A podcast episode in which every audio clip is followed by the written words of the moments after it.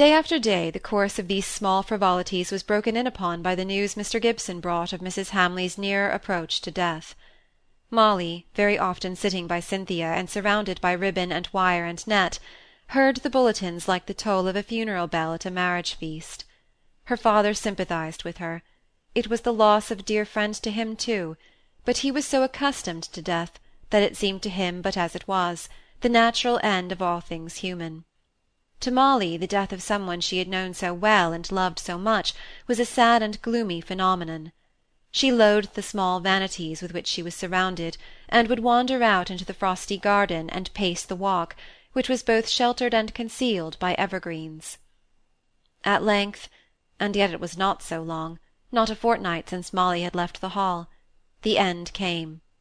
Mrs. Hamley had sunk out of life as gradually as she had sunk out of consciousness and her place in this world. The quiet waves closed over her, and her place knew her no more. "They all sent their love to you, Molly," said her father. "Roger said he knew how you would feel it." Mr. Gibson had come in very late, and was having a solitary dinner in the dining-room. Molly was sitting near to him to keep him company, Cynthia and her mother were upstairs. The latter was trying on a head-dress which Cynthia had made for her. Molly remained downstairs after her father had gone out afresh on his final round among his town patients. The fire was growing very low, and the lights were waning. Cynthia came softly in, and taking Molly's listless hand, that hung down by her side, sat at her feet on the rug, chafing her chilly fingers without speaking. The tender action thawed the tears that had been gathering heavily at Molly's heart, and they came dropping down her cheeks. You loved her dearly, did you not, Molly? Yes, sobbed Molly, and then there was a silence. Had you known her long? No, not a year, but I had seen a great deal of her. I was almost like a daughter to her, she said so. Yet I never bid her good-bye or anything. Her mind became weak and confused. She had only sons, I think? No, only Mr. Osborne and Mr. Roger Hamley. She had a daughter once, Fanny. Sometimes in her illness she used to call me Fanny. The two girls were silent for some time, both gazing into the fire. Cynthia spoke first. I wish I could love people as you do, Molly. Don't you? said the other in surprise. No. A good number of people love me, I believe, or at least they think they do, but I never seem to care much for anyone. I do believe I love you, little Molly, whom I have only known for ten days, better than anyone.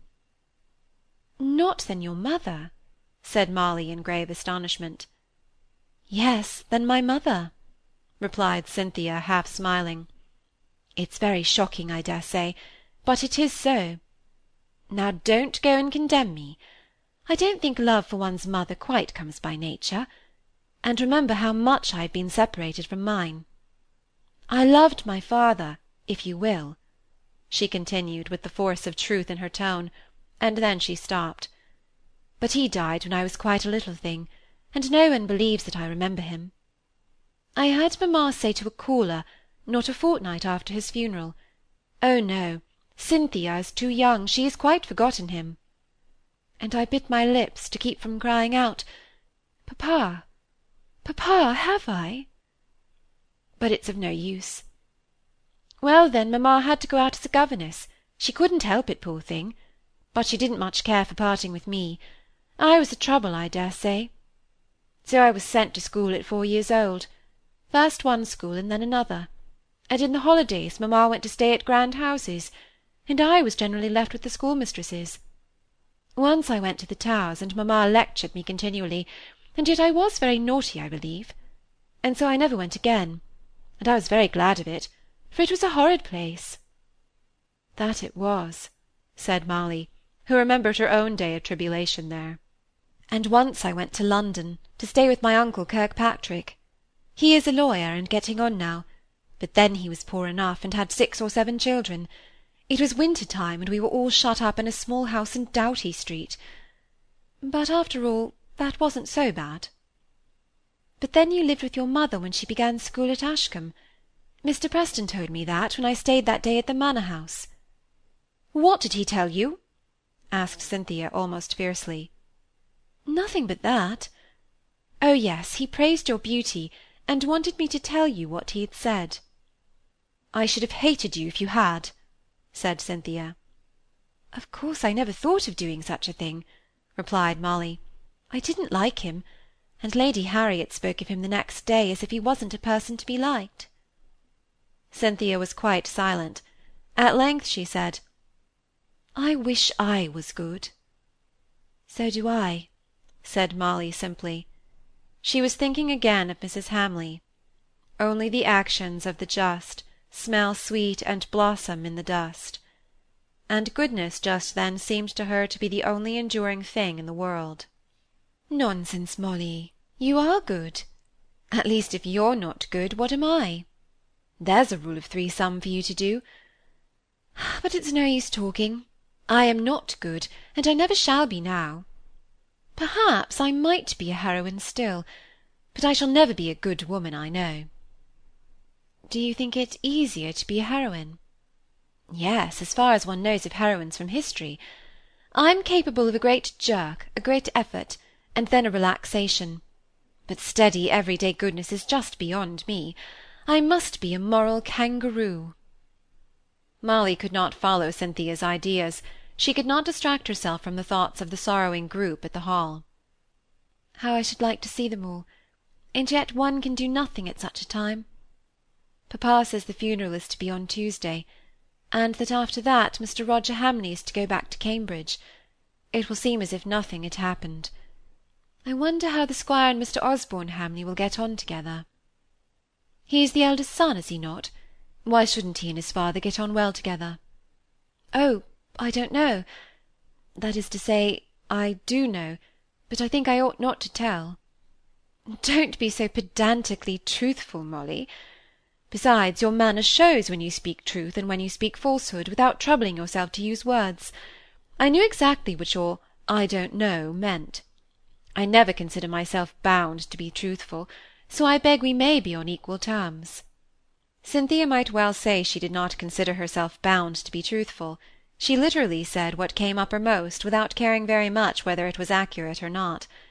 But there was no ill nature and in a general way no attempt at procuring any advantage for herself in all her deviations. And there was often such a latent sense of fun in them that molly could not help being amused with them in fact though she condemned them in theory. Cynthia's playfulness of manner glossed such failings over with a kind of charm and yet at times she was so soft and sympathetic that molly could not resist her even when she affirmed the most startling things the little account she made of her own beauty pleased Mr. Gibson extremely, and her pretty deference to him won his heart. She was restless, too, till she had attacked Molly's dress, after she had remodelled her mother's. "Now for you, sweet one," said she as she began upon one of Molly's gowns. "I've been working as a connoisseur until now. Now I begin as amateur." She brought down her pretty artificial flowers, plucked out of her own best bonnet to put into Molly's, saying they would suit her complexion, and that a knot of ribbons would do well enough for her. All the time she worked she sang.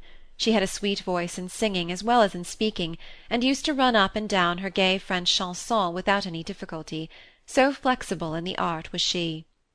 Yet she did not seem to care for music. She rarely touched the piano, on which Molly practised with daily conscientiousness. Cynthia was always willing to answer questions about her previous life, though after the first she rarely alluded to it of herself.